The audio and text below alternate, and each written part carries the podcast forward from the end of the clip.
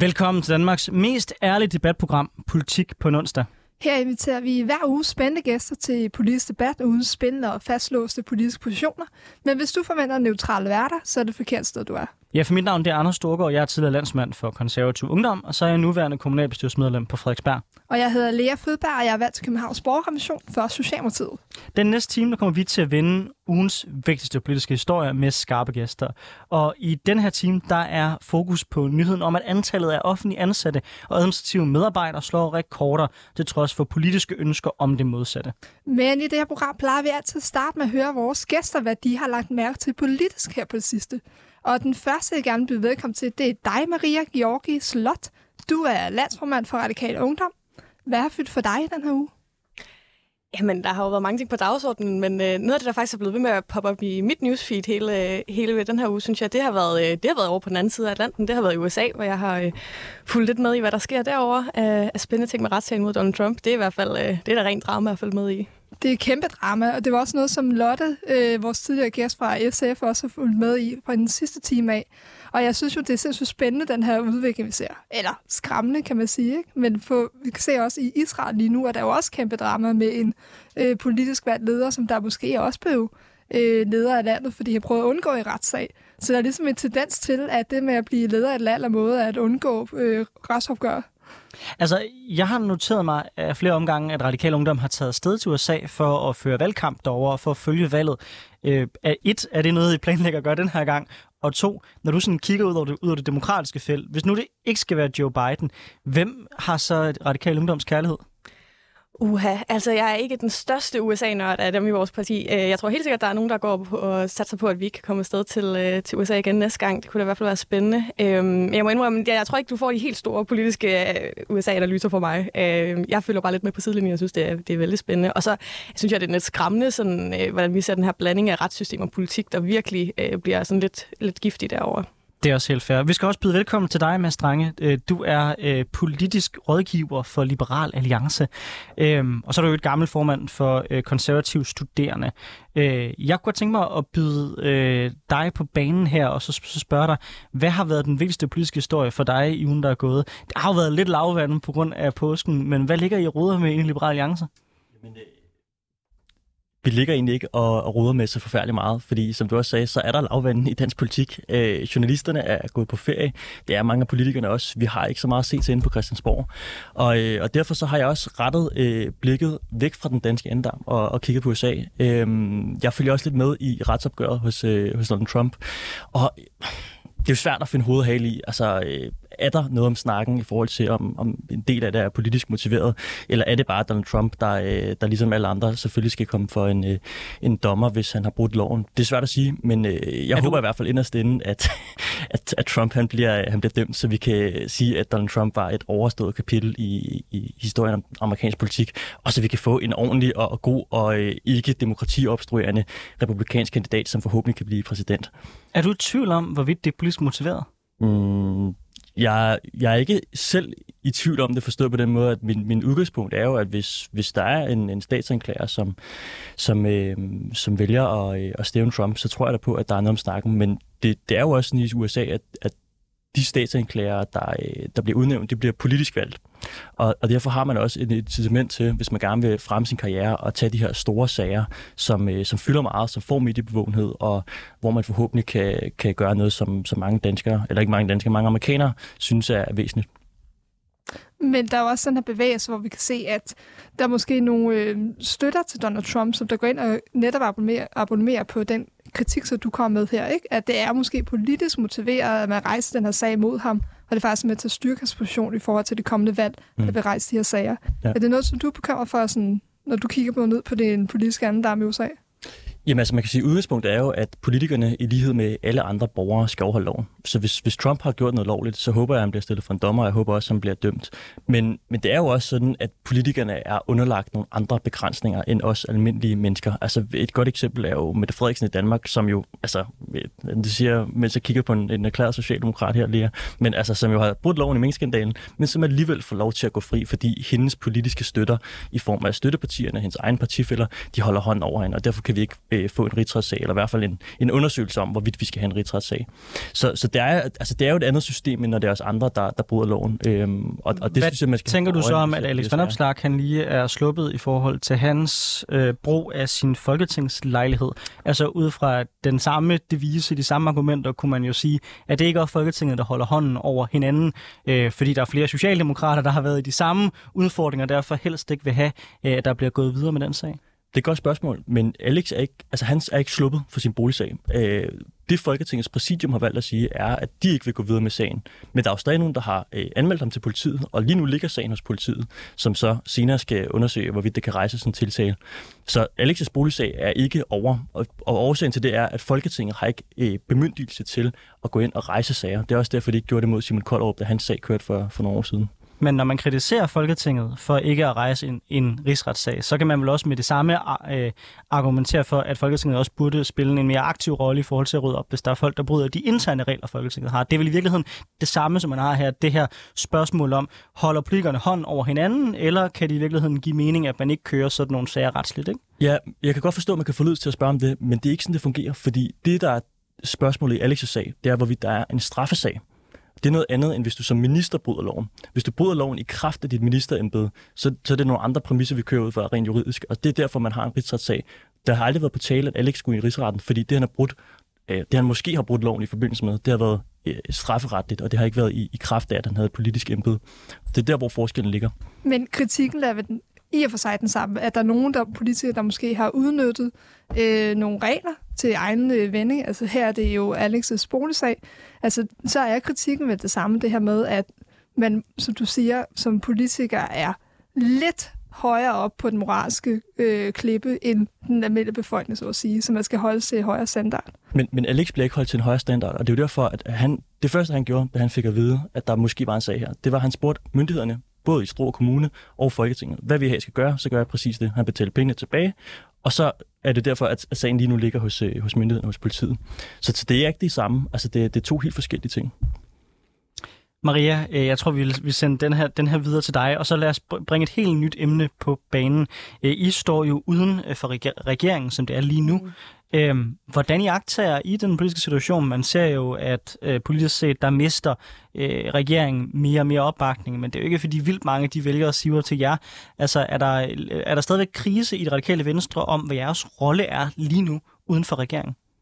Nej, jeg synes egentlig, øh, krisen, der, der var lidt krisestemning lige efter valget. Det er naturligt, når man har haft et dårligt valg, at så, øh, så skal man lige finde sig selv igen. Men der er faktisk enormt meget optimisme internt, øh, fordi der er ligesom er kommet, der er kommet ro på internt, og man er i gang med nu at, ligesom at definere, hvad skal det næste projekt være? Øhm, og det tager vi egentlig stille og roligt, og øh, jeg tror også, at vi mere og mere kan se, os, at det, det er ret godt, at vi ikke er gået med i den regering. Der er simpelthen for mange ting, der, som vi ville have, have knækket nakken på at skulle stå inden for, særligt på uddannelsespolitikken. Og, øh, og jeg synes også, at vi i høj grad har vist, at øh, vi kan samle en, rigtig mange partier uden for regeringen og, øh, og opstille som alternativer til, øh, til den politik, der bliver ført. Øhm, så det synes jeg faktisk, øh, at vi er ved at finde os selv i.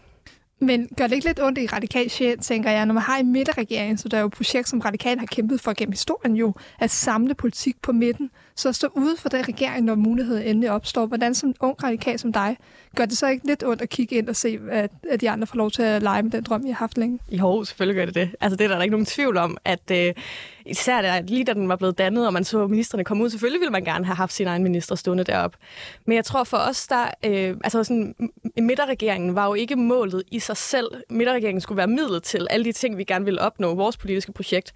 Så hvis vi kunne se, at godt nok var der en midterregering, men der var simpelthen ikke ambitionerne for det, vi gerne ville, så var det jo ikke nok i sig selv øhm, at gå med i en regering bare for at være med, selvom, selvom det gør ondt ikke at være med. Det er da, det er da klart. Men er det så ikke en anerkendelse af, at I ikke længere er et midterparti? Fordi hvis, hvis, den, hvis den midterregering, der kan, der kan samles inde på midten, det den kan blive enige om, det er noget, som det radikale venstre synes, at det ikke honorerer jeres politik, så er det vel direkte at sige, ikke et midterparti længere, fordi jeres, jeres værdier så ikke ligger inde på midten? Det kommer an på, hvem det er, der får lov til at, at definere, hvad nej, midten er. Nej, midten defineres af midten af, hvor partierne er. Det, man kan ikke bruge den der radikale med, vi står inde på midten, det er bare alle de andre, der er glidet mod højre, som, jeg, som Siri Friis engang brugte på mig, hvor jeg spurgte hende, hvad er I et midterparti? Så sagde hun, ja, ja, det er bare alle de andre, der rykker mod højre. Det, det kan godt være, det er sådan en radikale selvopfattelse, men i normal politisk tankegang, der siger man altså, at midten defineres ud fra, hvor partierne ligger hen, ikke? Men det er heller ikke så meget øh, højredrengen på det punkt, jeg tænker på. Jeg tror mere, det handler om, øh, man sige, den her midterregering kunne være blevet samlet på forskellige måder, alt efter hvordan de enkelte mandater var faldet, og hvordan altså, forhandlingssituationen lige var gået. Der kunne have været forskellige konstellationer. I den her, hvor det endte med, der var det ikke så meget øh, sådan en højre-venstre placering, hvor jeg egentlig føler, at vi ligger ret øh, solidt i midten. Det var mere et, et ambitionsniveau i forhold til, hvordan bruger vi så de penge, som vi får ud af alle de reformer, som vi gerne vil, vil være med til at støtte op om. Øh, hvordan investerer vi dem i i, klima og i uddannelse og i børn. Øhm, så det handler mere om et, altså sådan et, et progressivt projekt og et ambitionsniveau, end det handler om sådan en højre midter eller en højre venstre øh, midterplacering, synes jeg. Og hvilket parti skulle så have været ude? for at det projekt det var lykkes? Jeg tror mere, det handler om, hvem der skulle have været inde i virkeligheden. Øhm, også hvis vi havde nogle mandater, der var afgørende. Men noget af det, som jeg også kan se på radikale, som der har undret mig lidt, det var jo, jeg var vokset op med radikale som det her parti, som der kunne leve med kompromiser, og så kunne stå med i forhandlinger selv, når det gør ondt. Mm. Men noget af det, som det ligner for mig udvikling har været, er, at man er gået fra at være konstruktiv til at være kritisk. Altså man definerer sig selv meget i opposition imod Socialdemokratiet og imod øh, udenlandepolitikken på højrefløj imod alle mulige ting, men man måske ikke har det samlede midterprojekt længere. Altså det mere handler om enkeltsager som uddannelse eller udenlandepolitik. Det handler ikke om den her parlamentariske indflydelse med at kunne være et del af hårde forhandlinger. Altså man har fået sig selv op i hjørnet, hvor man ikke længere kan leve med at gå på kompromis med sine, med sine mærkesager altså Radikale Venstre er jo i virkeligheden et af de partier, der er med i allerflest øh, forhandlinger, allerflest, øh, hvad kan man sige, øh, store aftaler, der bliver lavet, så vi er jo stadig i rummet. Øh, det er rigtigt, at vi måske i nogle år har defineret os selv på en mere kritisk måde, øh, men vi går stadigvæk ind i rummet, øh, men vi er selvfølgelig også nødt til at sætte nogle, nogle linjer engang imellem. Og før vi går over til dagens debat, så vil jeg også gerne lige høre et par tanker fra dig, Mads, øh, om LA-situationen. Man må jo sige, det ser godt ud i målingerne, øh, men jeg synes noget, der ikke har været talt så meget om, det er, hvad er målet egentlig for Liberal alliance? Er det at være et stort parti, som måske ligger ud af på højre, og som kan presse en ny borgerlig regering? Eller er det, at Liberal Alliance skal være et nyt, mere som centrum højreorienteret parti, der skal indgå i en regering, og måske tage nogle af den rolle, som konservative og venstre har haft tidligere? Altså, hvad, hvad er jeres sådan langsigtede vision for partiet, nu hvor det går så godt? Mm. Det er et super godt spørgsmål. Altså, øh, nu, nu refererede du før til den radikale selvopfattelse, så vil jeg referere til den liberale selvopfattelse. Altså, vi, vi bryster os jo af at være partiet for de upopulære sandheder. Vi siger det, vi mener, og vi mener det, vi siger. Så vores mål, bare fordi vi stiger i meningsmålingerne, det er ikke, at vi skal ind og, øh, og nødvendigvis erobre øh, statsministeriet. Øh, vi vil gerne have gennemført så meget af Liberal Alliances politik som muligt og hvis det bliver i en regering, jamen så vil vi gerne være et regeringsdueligt parti, som er klar til at tage ansvar. Men vi vil ikke være det på den måde, og øh, sorry til de radikale, at, at man øh, er villig til at ofre sit eget partiprogram i, i bytte for at få de her ministerposter, som vi jo for eksempel har set Venstre gøre det, som vi jo for eksempel også i, i, i lang tid har set de radikale gøre det i nogle sammenhæng. Så I vil gerne i regeringen, hvis alle andre partier bliver enige om jeres politik? Ikke nødvendigvis 100% af vores politik, men i hvert fald så meget af vores politik, at vi synes, vi kan stå inden for det. Øhm, men det er jo klart, at, at det vil jo også indbefatte, at vi indgår i nogle kompromiser, og det er vi jo klar til. Det er jo klart, at vi kommer ikke til at få gennemført 100% af vores partiprogram, men det handler om at se, hvor meget vi kan få gennemført. Og hvis vi kan få gennemført mere liberal politik er at være i regering, så tror jeg gerne, vi vil i regering. Er topskatte, skal topskatten fjernes, er det ultimativt krav?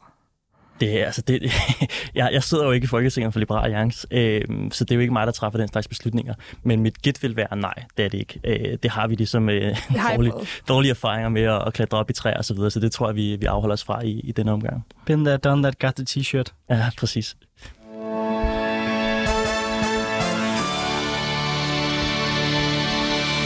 Du lytter til Politik på en onsdag med Anders Storgård og Lea Fridberg, hvor vi i dag har besøg af Maria Georgi Slot, som er landsformand for Radikal Ungdom, og Mads Strange, der er politisk rådgiver for Liberal Alliance. En ny analyse fra Dansk Erhverv viser, at beskæftigelsen i den offentlige sektor i 2022 nåede op på 759.000. Det er næsten 40.000 flere, end da coronakrisen startede. Og det har fået Dansk Erhvervs administrerende direktør Brian Mikkelsen til at kalde udviklingen for dårlig politisk lederskab og hul i hovedet. Ja, i Berlinsk udtaler han, det er ikke et angreb på den nuværende regering, for det er foregået i overvis, både i Folketinget, kommuner og regioner. Så sekretæret meget ofte antallet af offentlige ansatte, ikke kvaliteten af velfærden. Han peger på, at den offentlige sektor, ligesom den private sektor, i højere grad burde effektivisere og automatisere og problematisere blandt andet, at mængden af administrative medarbejdere er steget med 10 400.000 siden coronakrisen. Arbejderbevægelsens erhvervsråd peger dog omvendt på, at antallet af offentlige ansatte godt nok er steget, men i dag udgør en mindre del af den samlede beskæftigelse end før coronakrisen. Det er cirka to tredjedel af den danske arbejdsstyrke, som arbejder private, og en tredjedel, der arbejder i det offentlige. Til trods for, at samtlige danske regeringer siden Poul Slytter har forsøgt at slanke den offentlige sektor ved at skære administrative medarbejdere og gå til kamp mod unødvendigt byråkrati, så vokser antallet af administrative medarbejdere altså i det offentlige. Så i dagens Politik på onsdag tager vi en ideologisk debat om, hvorvidt den offentlige sektor er vokset for meget, og hvorfor det til trods for en bred politisk vilje ikke er lykkes at tøjle stigninger i administrative medarbejdere. Og vi starter med dig, Mads Strange fra Liberal Alliance. Er den offentlige sektor simpelthen blevet for stor til sin egen vægt? Den offentlige sektor er blevet alt for stor øh, til sin egen vægt, og jeg synes, det er på tide, at den offentlige sektor bliver sendt på slankekur. Altså, vi befinder os i en situation, hvor der aldrig nogensinde har været en så stor mangel på arbejdskraft i det private erhvervsliv. Det er trods alt de private ansatte, der betaler regningerne for, hvor, at tandhjulene i vores velfærdssamfund kan dreje rundt. Og jeg synes, det er dybt, dybt uansvarligt, at på trods af, at alle partier konsekvent og altid blæser i basunen for, at vi skal få mindre byråkrati, så ser vi år efter år, at der bliver ansat flere og flere offentlige ansatte til administrative funktioner. Så ja, den offentlige sektor er alt for stor. Det er tid, tid til, at, det, at vi får lukket ud i antallet af medarbejdere. Men, men det er vel ikke kun øh, dårligt, at bliver altså flere offentlige ansatte. Når man kigger på sundhedsvæsenet, så der er jo hot topic lige nu, mm. så kan vi jo se, at der mangler enormt mange sygeplejersker, der mangler sosuer. Vi kan se i kommuner, der mangler lærere, der mangler pædagoger. Så der er vel også behov for at investere i flere offentlige ansatte. Det er vel ikke sort-hvid debat? Nej, nej, klart. Og, og jeg tror også på, at der mangler flere sygeplejersker. Altså, det er jo meget interessant, at Mette Frederiksen eksempelvis op til valget i 2019 gik til valg på at ansætte 1000 nye sygeplejersker. Men da lige inden der var valg i 2022, og man så fik opgjort, hvor mange hun havde fået ansat, så var tallet 41. Altså hun havde ansat 41 sygeplejersker, selvom hun havde lovet at ansætte 1000. Og det er jo et meget godt eksempel på, at på trods af, at man i den her periode har ansat alle mulige andre administrative medarbejdere, så kan man ikke få lov til at ansætte de øh, kernetropper i den offentlige sektor, der jo trods alt er dem, der leverer det, der er vigtigst, nemlig velfærden. Marie Dorsi Slot, øh, jeg synes godt, også godt, at vi kan sende bolden over til jer i det radikale venstre. Øh, I har jo typisk set slået op på en blanding af socialt ansvar og en mere sådan liberal økonomisk, måske nogen vil nogen kalde borgerlig økonomisk politik. Men når du kigger på det, øh, som Brian Mikkelsen her påtaler, nemlig at der har været en stor stigning under Mette Frederiksen i øh, antallet af offentlige medarbejdere, synes du så, at man burde skalere det tilbage, eller er det i virkeligheden naturligt, fordi vi har mangel på arbejdskraft i den offentlige sektor? Jamen, jeg synes, det er øh, en rigtig fin øh, debat, de tager op, og, øh, og det er nok ikke overrasket, at jeg som radikal, radikal er en lille smule nuanceret i den her debat. Øhm, fordi jeg er nok ikke helt så sådan chokeret og harm, som, øh, som Dansk Erhverv er i, det, i den artikel, de er ude med. Øhm, det er jo en, en meget naturlig konsekvens af, at vi øh, har en stadig stigende offentlig sektor, men også øh, krav om dokumentation, øh, regler, alle de her ting, der skal overholdes, så det på en eller anden måde vokser. Så synes jeg, det er en rigtig fin debat at tage op, om vi så skal gøre det, men det handler jo ikke bare om, at vi så kan gå ind og skære på en hel masse offentlige øh, djøffere, som øh, sidder og laver en masse papirnuseri, der ikke er, er nødvendigt. Vi, det kræver, at vi tager en lidt dybere debat, synes jeg, om øh, hvor vi så kan, kan ændre på reglerne. Hvor mange danskere tror du stemte på det, til det sidste folketingsvalg øh, med et ønske om, at der skulle ansættes 10.000 øh, Øh, mere administrative medarbejdere i den offentlige sektor? Nok ikke ret mange. Øhm, jeg tror ikke, der er nogen, der har et, et særskilt ønske om at ansætte en hel masse flere administrative folk i, øh, i den offentlige sektor. Øhm, men det er jo noget, der nok ender med at være øh, sådan et nødvendigt onde, fordi vi har lavet så byråkratiske system. Øhm, og det synes jeg er rigtig fint at tage en debat om at tage op med, men jeg tror ikke, det handler om bare at sige, at vi skal have fyret en hel masse øh, hvad hedder det, skrivebordspaver, der sidder ude i det offentlige og ikke laver noget, der har værdi. Altså lige nu har vi, har vi lavet et system, der kræver, at vi har brug for dem.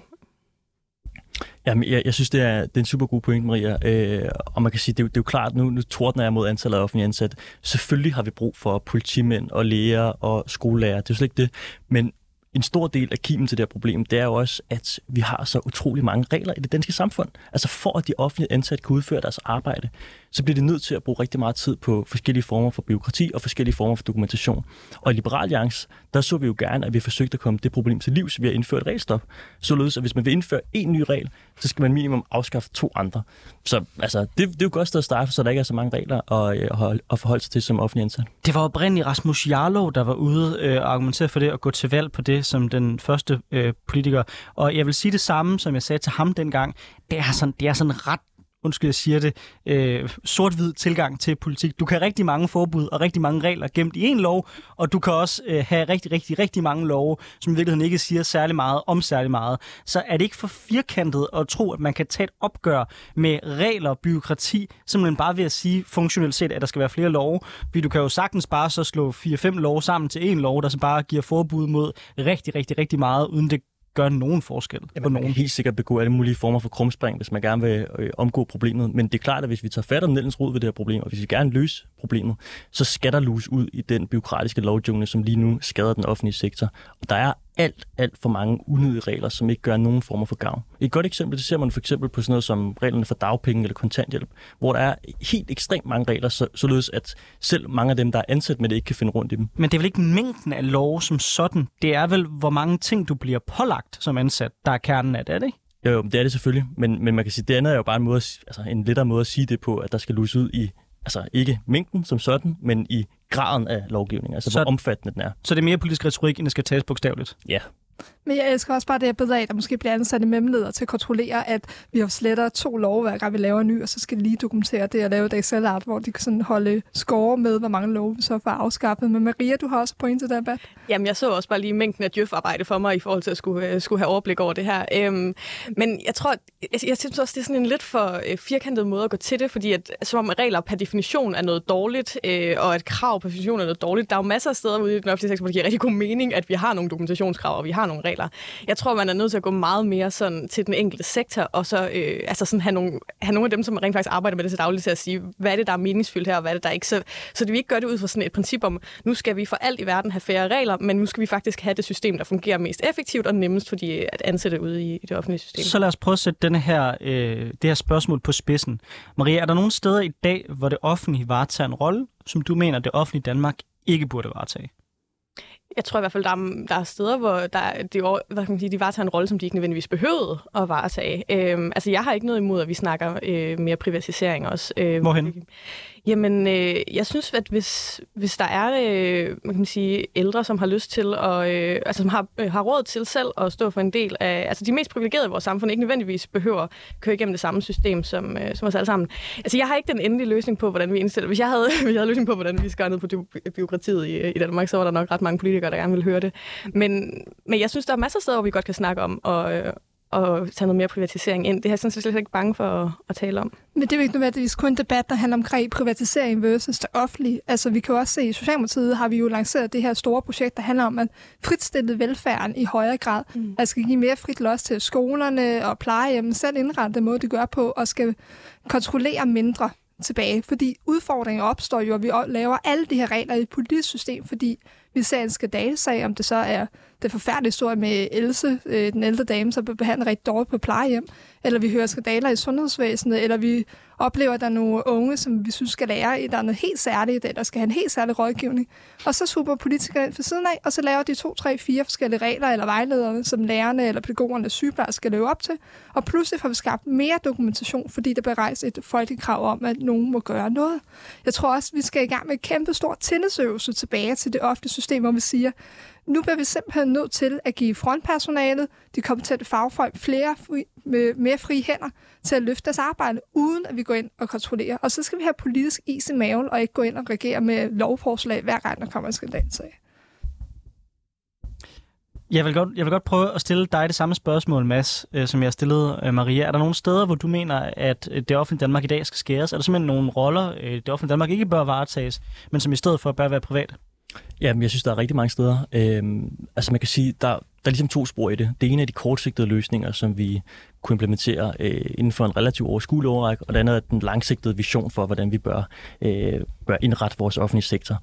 Hvis vi starter med, med det første, så så jeg jo gerne, at vi, vi droppede nogle af de her øh, ting, der har til formål at hjælpe folk med at komme i arbejde, for eksempel. Altså sådan noget som dagpenge, eller sådan noget som, øh, sådan noget som jobcentre, eller sådan noget som kontanthjælp. Altså dels er det en kæmpestor udgift for staten, at man skal hjælpe voksne, raske mennesker med at finde et arbejde. Det burde de jo kunne klare selv. Øh, og dels så er der også rigtig mange offentligt ansatte, som, som skal spille arbejdstimer på det, der kunne være gået til noget værdifuldt. Det er ligesom det kortsigtede. Hvis vi, hvis vi anlægger et mere langsigtet perspektiv på det, så så jeg også gerne, at vi på sigt begyndte at eksperimentere med, at staten måske i et eller andet omfang fortsat finansierede velfærden, men at den blev leveret af private velfærdsudbydere. Fordi det er jo sådan i dag, at staten har monopol på at levere velfærden, og som det er tilfældet i alle mulige andre sammenhæng, så fører det, at man har et monopol, ofte til en rigtig dårlig service for dem, der øh, ja, skal have velfærd.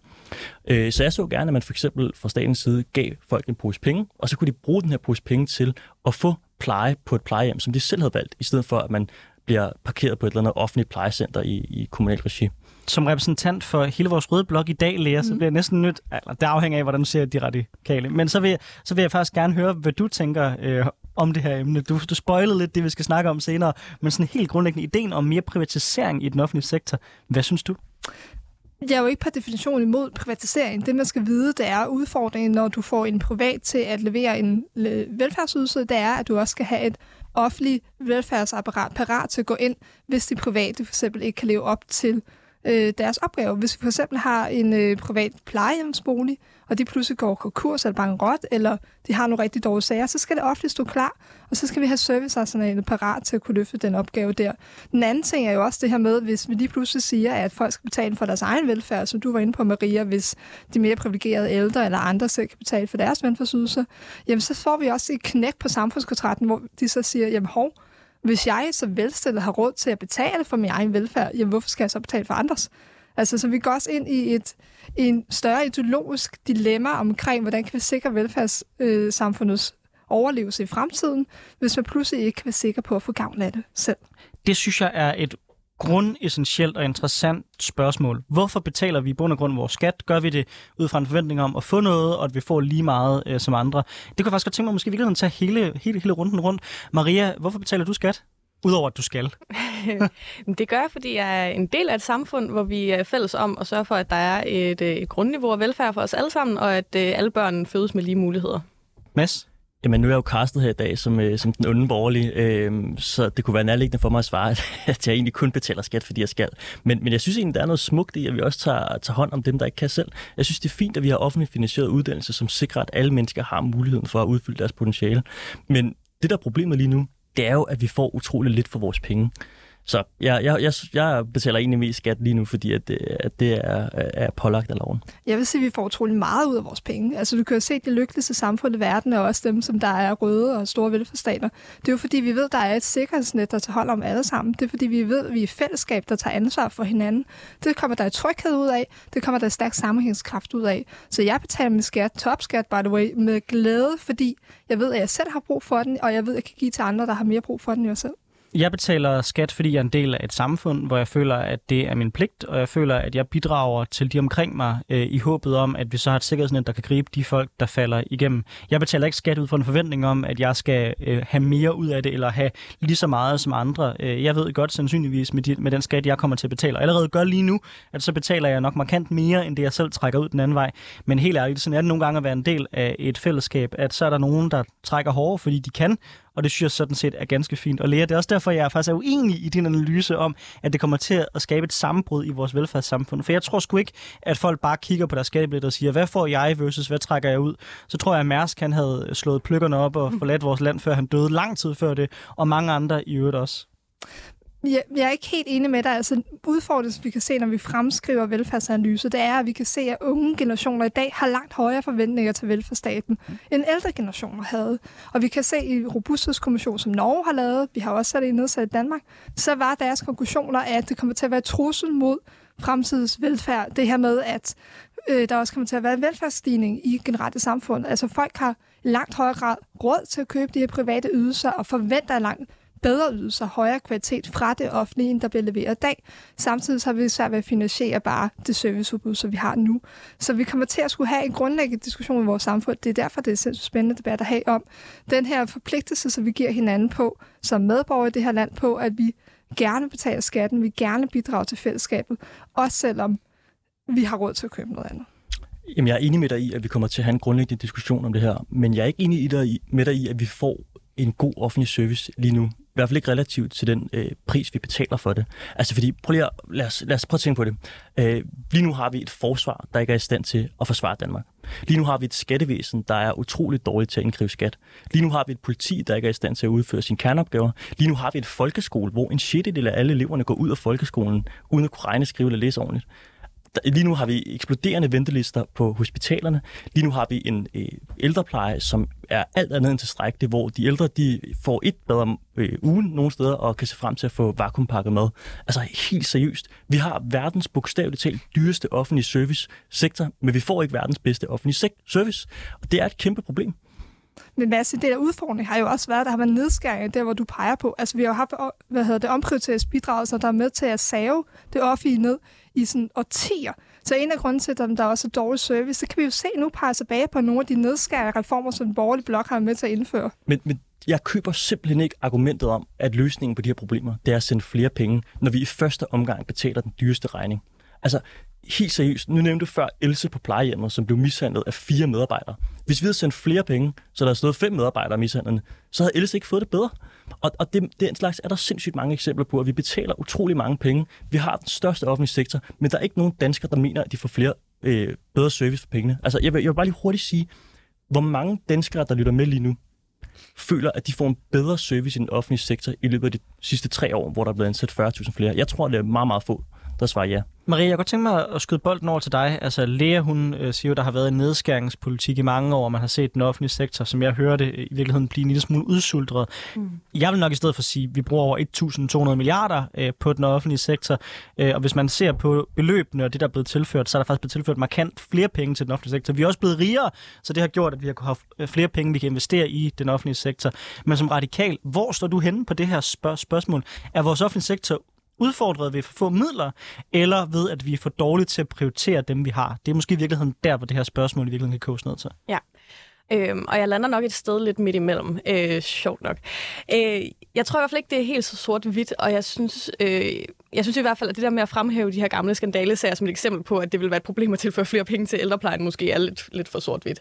Øh, jeg tror, vi, og det er jo det, vi virkelig har startet med at snakke om, at vi skal bruge pengene smartere. Jeg synes helt sikkert, at vi skal sørge for at få et offentligt system, hvor vi i højere grad kan bruge automatisering, hvor vi kan sørge for at ligesom frisætte nogle, øh, nogle ressourcer og nogle hænder, øh, sådan så at de steder, hvor der er brug for dem, øh, kan vi ligesom øh, bruge dem på, øh, på den nære pleje i stedet for. Men det kommer til at kræve altså, en virkelig markant øh, hvad kan man sige, ændring i vores samfund. Og indtil videre ved jeg ikke lige, øh, hvad den perfekte løsning er. Vi har snakket om det i så mange år, der er ikke nogen, der har, der har den gyldne løsning på det. Øhm, jeg tror i hvert fald, at vi, vi står også i en virkelighed, hvor der kommer flere og flere ældre og flere og flere børn, så sådan naturligvis så kommer det også til at koste noget, hvis de skal have det niveau af, af service, vi, øh, vi kræver. Øhm, så vi skal, vi skal finde ud af, hvordan vi bruger øh, pengene klogere, og det var det, vi startede med, og jeg synes, det er nøglen til det her. Øhm, men det kræver, at vi holder op med at kigge på det helt så sort-hvidt, og i stedet for går, altså, går virkelig klogt til det her spørgsmål. Jeg kan bare godt blive lidt provokeret af den her debat, der handler om, at privatisering løser problemet. Mm. Hvis vi kigger på sundhedsvæsenet for eksempel, så er problemet jo lige nu, at vi mangler jo medarbejdere. Vi mangler læger, sygeplejersker og sosuer. Det, vi får ikke flere af dem af, de kommer til at arbejde i private sektor. Altså tværtimod, så det private, de har jo den her rigtig gode ordning, hvor de får lov til at løse de ukomplicerede operationer, så kan de ligesom skumme fløde på det, og så står det offentligt tilbage med nogle af de mere komplicerede ældre medicinske patienter. Og hvis vi rykker alle de øh, medarbejdere, vi har over den private sektor igen, jamen, så risikerer vi, at det er nogle af de svageste, der bliver tabt på gulvet. Og det er jo det, som der er udfordringen med den her debat, det er, hvem taber, når tingene bliver privatiseret? Sjov nok, de svageste samfund. Men Lea, øh, det er jo samtidig sådan, at vi står og mangler enormt mange øh, medarbejdere i den private sektor også. Altså, hør på dansk metal, de siger, at hvis vi skal nå den grønne omstilling, så skal vi ansætte et sted mellem 100 og 200.000 ekstra faglærte. Altså, det er jo ikke kun vores sundhedsvæsen, der mangler arbejds, øh, eller der mangler hænder. Det er jo i virkeligheden hele vejen rundt. Og det er jo netop fordi, at der er blevet hævet flere og flere ud af arbejdsstyrken, at vi ikke øger pensionsalderen hurtigt nok, at, hvis, at der er for mange folk, der ikke får en uddannelse, og at øh, man ikke er åben nok over for udenlandsk arbejdskraft. I forhold til, hvornår folk strækker sig tilbage, der har I ført i indført Arne-pensionen, der hiver flere folk ud. I forhold til udlandsk arbejdskraft, så har I politisk set holdt jer tilbage for at være åben over, over for det. Så når du peger i retning af de andre øh, partier, når du, når, du, når du siger, at der mangler medarbejdere i den offentlige sektor, peger pilen så ikke tilbage på Socialdemokratiet, der ikke har hjulpet med at skaffe dem? Det er rigtigt. Vi går ind for, at øh, nedslidte skal kunne komme på pension gerne før de får ødelagt deres krop, så de også får en værdig alderdom. Vi er også fuldstændig med på, at der ikke skal socialt dumpe til. Derfor synes jeg faktisk godt, at man kan kigge på nogle af de regler, vi har lavet for at kunne tiltrække udenlandsk arbejdskraft. Mathias Tesfaye var også øh, med til at åbne ballet, dengang han stod som øh, udenlandsminister, øh, for at vi skal prøve at se på nogle af de regler, der er der. Men det er jo et globalt problem. Det kan vi se med sygeplejerskemangel. Der mangler jo globalt set sygeplejersker, fordi folk har uddannet sig til noget andet. Så det er også derfor, vi er i gang med en grundlæggende diskussion omkring vores uddannelsessystem, så vi også er med til Socialdemokratiet at løfte. Øh, jeg tror på, at vi skal investere meget mere i uddannelse. Uddannelse er præcis de faggrupper, vi står til at kunne mangle lige nu. Måske lidt færre djøffer, lidt flere håndværkere. Jamen, jeg, jeg, jeg synes, det er sådan... Øh det er sådan en klassisk socialdemokratisk retorik, vi hører her. Altså, du bliver ved med at vende tilbage til det her ene eksempel på sygeplejerskerne, som vi helt sikkert mangler. Altså, det er vi alle sammen enige i. Men samtidig så er du også medlem af et parti, der konsekvent bruger det ene trick efter det andet for at trække raske mennesker ud af arbejdsmarkedet. Og nu nævner du det her med nedslidte folk på Arne-pensionen. Så lad os lige tage den en gang til. Det er ikke et forudsætning for at kunne få Arne-pension, at man skal være nedslidt. Det handler om, hvor mange år man har været på arbejdsmarkedet, på trods af, at din partiformand konsekvent påstår det modsatte, selvom det ikke passer. Og jeg synes, der er mange andre greb, vi også kunne tage fat i, ud over sløje for andre pensionen. Altså, vi kunne afskaffe efterlønnen, vi kunne hæve pensionsstandarderne med et enkelt år. Der er så mange muligheder, vi har for at sørge for, at vi kan tiltrække mere arbejdskraft. Og nu nævner du det her med, at øh, der, altså, vi, vi snakker om, at der er blevet ansat 40.000 flere offentlige ansat de seneste tre år. Bare lige for at sætte det i relief. Altså, grunden til, at man afskaffede store bødedag, det var for at få et forøget arbejdsudbud på 8.000 personer.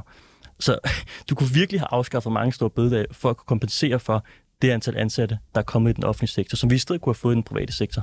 Det er ikke noget med tricks overhovedet. Det handler om grundlæggende politisk kompas, der siger, at det kan simpelthen ikke passe, at arbejderen med en kort uddannelse øh, får kortere tid på pension, fordi han dør tidligere, fordi han er blevet nedsat i arbejde.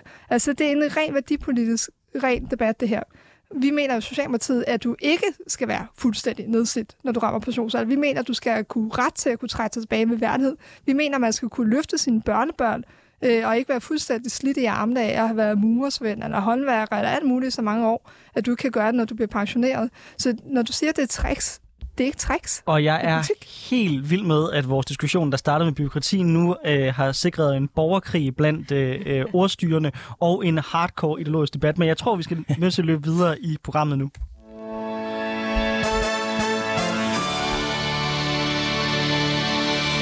Ja, for du lytter til politik på en onsdag med Anders Storgård og Lea Friberg, hvor vi i dag har besøg af Maria George Slot, som er landsmand for Radikal Ungdom, og Mads Strange, der er politisk rådgiver for Liberal Alliance. I statsministerens tale til kommunernes landsråd, der er Mette Frederiksen og regeringen nu vil arbejde med en grundlæggende reform af den offentlige sektor. Kommunerne skal spare 3 milliarder byråkratiet, den offentlige sektor skal frisættes, og der skal være et opgør med tanken om, at man kan forvente det samme velfærd alle steder i landet. Alternativet er ifølge Mette Frederiksen, at velfærdsstaten gradvist udhules. Til gengæld så vil hun give kommunerne en større grad af frihed fra nationale øh, regler. Fra kommunerne, der kritiseres dog, at kommunerne rent faktisk ifølge avisen NB Kommuner har sparet 80 millioner kroner på deres administrative udgifter, mens statens udgifter samtidig er eksplosivt vokset. Så Maria, øh, du er landsformand for Radikale Ungdom. Er du villig til at acceptere, at der er forskel på velfærd for Lemvi til Lyngby Torbæk, hvis det samtidig resulterer i mindre administration? Jamen, jeg tror måske, at hvis vi er seriøse omkring det her med at ville øh, frisætte øh, den offentlige sektor i en eller anden grad, så må vi også acceptere, at man ikke nødvendigvis kan copy-paste det samme rundt i hvilken som helst kommune. Der skal selvfølgelig stadigvæk være en standard, ikke også? Vi skal sørge for, at det ikke er sådan, at der er nogen, der bliver tabt på gulvet i, i nogle kommuner. Men for mig har det aldrig været et mål, at vi alle sammen skal, du ved, leve i præcis den samme boks, lige meget hvilken kommune vi bor i. Men Maria, hvis du siger, at det er vigtigt, at der skal være nationale standarder for, at man ikke taber nogen på gulvet, er du så ikke allerede ved at indføre nogle nye regler? jo, men det er også derfor, jeg vil sige, at hele den her debat om, at vi altid bare kan skære byråkratiet, jo er en lille smule skør, fordi hvis vi, hvis vi har en ambition om, at der skal være en eller anden standard, så er man nødt til at sætte nogle standarder. Det kræver, at nogen, der holder styr på, at de standarder bliver overholdt. Og derfor så er det jo også, derfor det er altid billig snak altid bare vil skære i byråkratiet. Der kommer altid til at være en eller anden grad af det, øh, og jeg har i hvert fald ikke nogen ambition om, at vi fuldstændig afskaffer ideen om øh, standarder i den offentlige, i den offentlige sektor. Hvad siger du, Mads? Er hver kommune sin egen lykkesmed? Jamen, øh, det, det er det jo sådan set lidt i forvejen, forstået på den måde, at der er forskel på, hvilken service du får i de forskellige kommuner, og der er også forskel på, hvad øh, servicen koster. Altså, der er meget, meget stor forskel på, hvor gode kommunerne er til at bruge borgernes penge på at levere mest mulig velfærd. Så sådan er det allerede i dag. Øh, men jeg vil så gerne imødekomme dig og sige, at jeg, jeg synes jo grundlæggende, det er lidt øh, skørt, at man skal have en dårligere service, når man øh, tilfældigvis er bosat et eller andet konkret sted i Danmark, når man er tvunget til at betale for den her service. Altså ideelt set burde det jo være sådan, at hvis man partout fra politisk hold skulle, skulle sikre sig, at det var staten, der leverede de her serviceydelser, så kunne man også i et eller andet omfang harmonisere det, sådan, så der er den samme grad af kvalitet i servicen. Men øh, jeg, jeg, jeg vil sige, at jeg, jeg tror, det, det er lettere sagt end gjort. Ja, fordi noget af det, vi jo ser med det her service nu, det er jo, at der er mange, der har abonnerer på det her New Public Management-doktrin omkring, at man kan best practice, altså se, hvad kommunerne gør, så du siger, at nogle steder i landet for at levere bedre service for færre penge, og så øh, sætte ned over rammen på en ny kommune. Men det forudsætter jo netop, at man har kontrol og dokumentation, og har nogle, nogle ens regler og tilgang til at levere den her velfærdsservice. Så risikerer vi ikke, hvis vi skal effektivisere på velfærden, at vi så netop kommer til at lave mere kontrol. Jo, men det tror jeg helt sikkert, og det er jo en af de uværlige konsekvenser, der opstår, når man insisterer på, at det skal være staten, der leverer velfærden. Jeg så meget gerne, som jeg sagde før, at vi prøvede at privatisere det i høj grad, og så kunne man måske starte med en model, hvor det var staten, der finansierede velfærden, men hvor det var private udbydere, der leverede velfærden. Men Maria, kunne man ikke i virkeligheden sige det modsatte af det, som, som, som Lea sagde her? Netop, at hvis du har større forskel på kommunerne, så gør det også, at der er større mulighed for, at man kan kigge på, hvilke kommuner klarer sig godt, og så måske kopiere. Lad os sige, at de opfinder en vanvittig god model i Lemvig til, hvordan man sikrer den bedste øh, ældreservice øh, til færre penge. Haps, den idé, den nupper vi. Vi sender en delegation afsted, kigger på, hvad de gør der, og overfører det til os. Men at man netop ved at have en større adspredelse, også giver mere konkurrence mellem kommunerne, og dermed også flere muligheder for nye idéer kan opstå? Jo, det tror jeg. Det var et lavet spørgsmål. Ja, det var et meget lavet spørgsmål, og jeg er enig med dig. Øh, jeg tror, at det at give noget frihed giver plads til nogle, noget kreativitet, også i kommunerne giver plads til, at man kan kigge en lille smule mere individualiseret på, øh, hvordan løser vi egentlig tingene bedst. Og det tror jeg kunne give rigtig gode resultater, hvis vi sørger for så ikke samtidig at gøre det så firkantet, hvis vi så vil kopiere det til andre kommuner, at vi bare laver et, altså endnu en mængde af byråkratisk papirarbejde. Øh, men jeg tror helt sikkert, at det er, jo, det er jo sådan, jeg altid på en eller anden måde har haft det, hvis man kigger på sådan skoleområdet, at det, at vi har frie skoler, øh, som kan overveje tingene på en anden måde, gør, at vi, altså, at vi udfordrer hinanden, og at vi ligesom kan, kan lære af, hvad hinanden gør godt. Øh, så det synes jeg helt sikkert, er, der kunne være potentiale i. Altså noget af det, der godt kan bekymre mig ved privatiseringen ja, er ofte velfærd, nu lyder så at være helt vildt bange for det, det er ikke noget af det, kan se at være super fint. Men det er jo det her med, når du privat udbyder, så er det jo mere interessant for dig at være inde i de store byer, hvor der er flere kunder. Det er jo at være ude på landet tønder, små kommuner rundt omkring, så risikerer vi ikke netop at skabe en større ulighed mellem forskellige landsdele. Det er jo den kritik, som der netop har rejst af partier som Nye Borgerlige og Dansk Folkeparti og Danmarksdemokrater. Det her med, at der er nogle udlandskommuner, som der bliver glemt øh, og ikke får det samme velfærdstilbud. Risikerer vi ikke, at det bliver et endnu større problem, hvis det er det private, der skal til at levere velfærd? Jo, jeg har heller ikke noget, nogen ambition om, at det er private, der udelukkende skal til at levere vores velfærd. Altså, jeg synes lige præcis, det er jo det, vi har et offentligt system til at sikre, at, der ikke at vi ikke er afhængige af, at der er nogen, der har lyst til at levere øh, privat ydelse et sted. At vi derfor selvfølgelig skal kunne, skulle, kunne fylde ud med den offentlige service. Jamen, altså man kan sige, jeg, jeg synes også, at problemet ved, at, at det lige nu er på offentlige hænder, det er, at fordi der ikke er nogen konkurrence, så har den enkelte udbyder ikke noget incitament til at lave produktivitetsforbedringer. Og vi ser jo i den private sektor, at der løbende er produktivitetsforbedringer. Det følger med en højere løn osv., og så ser folk, der er i den offentlige sektor, at så vil de også gerne have højere løn. Det er jo meget naturligt, at når lønnen stiger generelt i samfundet, så vil de offentlige ansatte også gerne have højere løn. Men problemet er bare, at i den offentlige sektor, så er der ikke særlig store produktivitetsforbedringer. Vi har set nogle produktivitetsforbedringer i, forbedringer i sundhedssektoren eksempelvis, men mange andre dele af den offentlige sektor er ikke blevet bedre i løbet af rigtig mange år. Men alligevel så er lønningerne sted og sted. Og det er jo det der problemet, altså at det bliver dyrere og dyrere for danskerne at betale for den service, der er i den offentlige sektor, men de får ikke en bedre service. Har du en ideologisk holdning til, at det er vigtigt, at det er private, som driver det her? Jeg har... Mit, mit ideologiske udgangspunkt foreskriver, at det som udgangspunkt er bedst, at det er private, der leverer det. Så Men der er mange sammenhænge, hvor det giver god mening, at det er de offentlige. Jeg er jo ikke en narkokapitalist. Altså, vi har lige lavet... Heller ikke okay, så lad os gøre det super, super konkret. Vi har lige på Frederiksberg lavet et udbud øh, af renhold af vores øh, veje. Øh, der var private udbydere, der bød ind, og der bød vores egen øh, firma også ind, altså kommunens øh, firma på det, her, på det her punkt. Og det viste sig, at det var kommunen, der gav det billigste bud. Er det så der, i din optik, vigtigt, at man alligevel giver det til de private, for at sikre, at der kommer noget mere privat konkurrence ind? Eller er det i virkeligheden fint nok, at man tager det offentlige alternativ, hvis det er det billigste? Jamen, det må bero på en konkret vurdering i den enkelte sag. I netop den her sag, der lyder det som om, det gav god mening, at det var den offentlige, der, der tog opgaven. Men i mange andre tilfælde, der ser vi jo, at, det er rigtig god, øh, at der er rigtig god ræson i, at det bliver udliciteret til private. Men jeg tror ikke, du... Eller jeg hørte dig ikke forhold til den problematik, som jeg skitserede skitseret før. Det her med, at privat private ikke har interesse i at gå ud i små byer og levere et service der. Efterlader dem så ikke nogen på perronen. Jamen, det, det er der en risiko for. Man kan også øh, sige, at hvis du har valgt at bosætte dig et sted ude på Bølandet, hvor der ikke er særlig mange andre mennesker, jamen, så har du også dårligere muligheder for alt muligt andet. Altså, det kunne være, at du har dårligere muligheder for at finde en legeplads til dine børn. Det kan være, at du har dårligere muligheder for at øh, have kort tid for at tage i skole, eller hvad det nu end måtte være. Og, og der må vi jo sige som samfund, hvor meget vil vi betale for, at nogle mennesker har truffet et valg om, at de gerne vil bos- bosætte sig langt væk fra alle andre. Så valg har, valg har konsekvenser, også hvis det betyder, at du har bosat dig et sted, hvor du har dårlig velfærd? Jamen, ja, det har det, og det vil det altid have.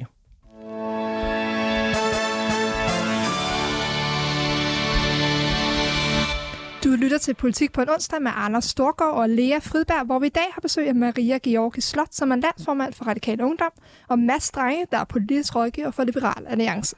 Vi har nu haft en principielle diskussion om, hvorvidt den offentlige sektor er blevet for stor, og hvorvidt vi politisk bør acceptere en forskel på velfærd mellem landsdele. Som statsministerens tale illustrerer, så er der stort ønske om at gøre noget ved de voksne udgifter til administrationen. Hos nogle partier, så pengene kan bruges på velfærd, og hos andre, så de kan bruges på skattelettelser. Alle er enige om, at mindre byråkrati er vejen, men hvorfor er der så intet, som tyder på, at det sker i praksis? Mads Drengen, hvorfor er det så svært for politikerne at mindske byråkratiet? En af de yndlingscitater, øh, som, som jeg har, det er Oscar Wilde, som øh, oversat til dansk en, engang sagde, byråkratiet vokser for at møde behovet for det voksne byråkrati. Og for mig at se, så er der et eller andet smukt ved det citat, fordi det er som om, der er næsten sådan en naturlov, der gør, at byråkratiet bare bliver viklet mere og mere ind i de politiske beslutninger, som der bliver taget. Til trods for, at alle parter i virkeligheden ønsker at gå den modsatte vej. Hvad kan man gøre politisk for at sikre, at den tendens ikke fortsætter? Jamen, det er et super godt spørgsmål, og, og jeg vil starte med at sige, at, at selvom det kan lyde øh, let at komme med sådan et konkret forslag, så er det nok, øh, så er det nok sværere i praksis. Øhm, altså man kan sige, jeg, jeg tænker meget på, på det, man kalder, det man i økonomisk teori kalder for Parkinsons lov. Altså den britiske historiker øh, Parkinson, han formulerede nogle love, hvor han blandt andet sagde, at det arbejde, du pålægger andre at øh, udføre, det vil tage så lang tid, som den tid, du giver dem til at udføre det. Så hvis du siger til de offentlige ansatte, at I har en uge til at udføre det her, så vil de bruge en uge på det, også selvom det måske kun tager en halv uge at udføre. Og det er et godt, det er et godt svar på, hvorfor vi ser, at der altid øh, er opgaver i det offentlige. Fordi man finder opgaver til hinanden. Man øh, har offentlige ansatte, der har til formål at lave papirnuseri for andre offentlige ansatte osv. osv. Noget andet er, at det er utroligt let for politikerne at sige, at vi vil gerne skære ned på mængden af byråkrati. Altså det kan alle stille sig op og sige, men i praksis er det bare sværere. Og det er også derfor, jeg tror, at, at hvis man skal virkelig tage livtag med det her problem, så tror jeg, at man skal indføre nogle sådan hårde rammer for, at hvis du indfører ny lovgivning, så skal du også fjerne noget andet lovgivning. Samme spørgsmål til dig, Maria. Hvad kan vi gøre for at sikre, at byråkratiet ikke bare vokser og vokser? Jeg tror i hvert fald ikke, løsningen er helt så hårde rammer, som øh, du stiller op, Mads. Øh, jeg tror, det kræver, at hvis vi, hvis vi ægte vil lave et opgør med det, øh, at man kigger på den enkelte sektor og finder ud af, hvilke dele af det her byråkrati, som er jo et enormt lavet ord at bruge om noget, der nogle gange også bare er nødvendigt arbejde, øh, hvilke dele af det her er meningsfyldt, hvad for, noget, hvad for nogle regler er gode at have, hvad for nogle krav er vigtige, og hvad for noget kunne vi slippe af med. Og det øh, tror jeg er sindssygt svært at gøre fra central hold, og jeg tror i hvert fald kun, vi sådan komplicerer tingene mere, hvis vi begynder at lave firkantede lov om at fjerne en eller to lov, hver gang vi indfører en ny.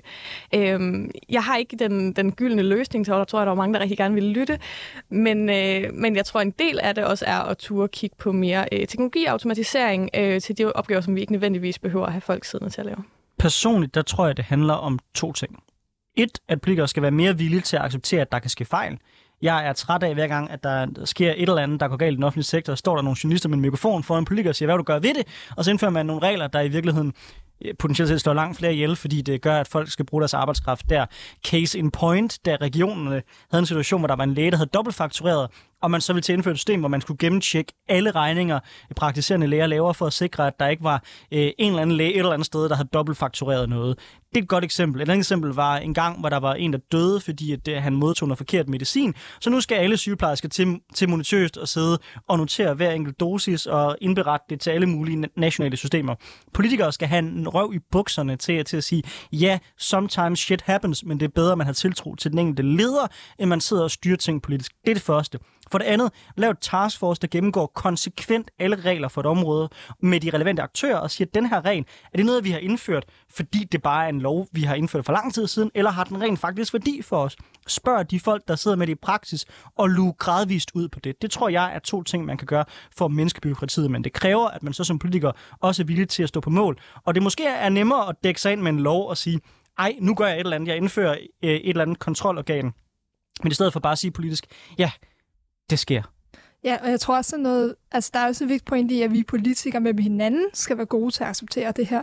Altså nu sidder jeg i Sundhed- og Omsorgsudvalget øh, i Københavns Kommune, og der har vi netop været i gang med den her øvelse, fordi øh, de gode radikale kollegaer var med til at løfte den her dagsorden, øh, Katrine Kildgaard. Og vi lykkedes faktisk med at fjerne nogle regler i dialog med øh, modtagerne derude, plejehjemslederne og andre relevante aktører, at fjerne noget dobbelt-tjek, noget dobbelt-registrering og noget lovgivning, hvor vi tænkte, det er vigtigt, at de har tid til at udføre deres opgave, de udfylder de her notater og blokke. Men vi kan også håndslag på hinanden omkring, når der så sker fejl. Så har vi også is i maven, og så bruger vi det heller ikke mod hinanden politisk, og så slår borgmester oven i hovedet og siger, hvorfor har du gjort det her, når vi alle sammen er fælles omkring den her dagsorden. Det er grundlæggende tillidsøvelse. Og også blandt vælgerne, også journalisterne og politikerne med dem. Jamen, jeg tror, I virkelig, virkelig har ret, fordi der er også lidt en tendens til, at det typisk er ministerens skyld, hvis der er sket en eller anden fejl hos en eller anden medarbejder ude i systemet et eller andet sted. Og vi må også bare må sige, at det er jo ikke robotter, vi har ansat i den offentlige sektor. Der kan både ske menneskelige fejl, der kan også nogle gange være dårlige ansatte. Altså nogle gange så er der nogle mennesker, der ikke burde have det job, de har. Og så, så er der nogen, der laver fejl, som ikke er gode, men hvor man, jeg tror, man er nødt til at sige, at det her øh, enkelt tilfælde, hvor vi så er nødt til politisk at sige, om jeg har mit på det tørre, nu har indført en regel, eller er det systematiske øh, fejl, der sker. Fordi er vi ude i, altså det er det, det man skal skelne imellem, er det et sted, hvor der sker systematisk fejl, der sker igen og igen og igen skandaler på lige præcis det her område, fordi vi ikke får tjekket det her? Eller er det, er det jo bare os, der sådan panisk vil reagere på noget? Jeg tror, jeg virkelig har slår hovedet på sømmen der. Ja, og nu er jeg jo socialdemokrat, og jeg elsker selvfølgelig Mette Frederiksen, synes at hvad hun gør er helt perfekt. Men noget, der provokerede mig lidt, da jeg sad til KL-topmøde, det var også den her budskab omkring, at kommunerne skal spare en masse penge på administration og alle de her ting, og så får vi meget bedre velfærd. Hvor vi allerede i kommunerne har taget de her skridt for at, for at sløjfe nogle af de her unødvendige regler og byråkrati. Rigtig meget af det, som vi støder på, kan vi se ude i kommuner, det er faktisk stat, der kommer for eller regler, der kommer fra staten af. Mm. Øh, den tidligere liberale ældreminister Tyr Frank var med til at indføre en ekstra tjek øh, ude på plejehjemmene, for at de ældre fik de ydelser og det service, som de har behov for. Der er faktisk næsten en til en tilsvaret tjek, som vi allerede havde derude. Så der kommer altså dobbeltregistrering, så du skulle indgives i forskellige systemer. Og det er jo nogle gange et eksempel på det her med, når man som politiker har i mærkesag, og man gerne vil sige, at jeg har gjort noget, så har man bare indført nogle, øh, noget unødvendigt byråkrati, og så kan man gå tilbage til hvad og sige, se hvad jeg har gjort. Præcis, og det er jo også sådan, at vælgerne typisk honorerer de politikere, der fremstår handlekraftige, som siger, at de vil løse problemerne ved at indføre noget, noget lovgivning. Men det er bare ikke altid, at alle problemer kan forsvinde som øh, duk for solen, hvis man øh, vedtager i Folketinget, at der skal være ny lovgivning. Og så er sandheden nok også, at man ikke kan have begge dele. Man kan ikke både have kontrol over alt, og samtidig have meget lidt byråkrati. Så hvis man som politiker gerne vil styre alt, så er der så også den bagside af medaljen, så skal man ansætte ret mange medarbejdere til at holde styr på det. Ja, så vil jeg sige, det er jo ikke alle HK eller djøffer, der er onde. Man kan også sige, altså eksempel på, hvor man prøver at spare penge på noget HK-arbejde administration, det var da man også fyrede de her lægesekretærer, fordi nu skulle lægerne selv til at bruge det her sundhedsplatform til at registrere det i. Med det resultat, at de bruger alt for meget tid på papirarbejde, i stedet for at være på patienterne. Så nogle gange skal man også være klog, når man laver de her sådan, øh, justeringer i det offentlige. Altså nogle gange, så kan man også lave dummere løsninger med, med kloge løsninger.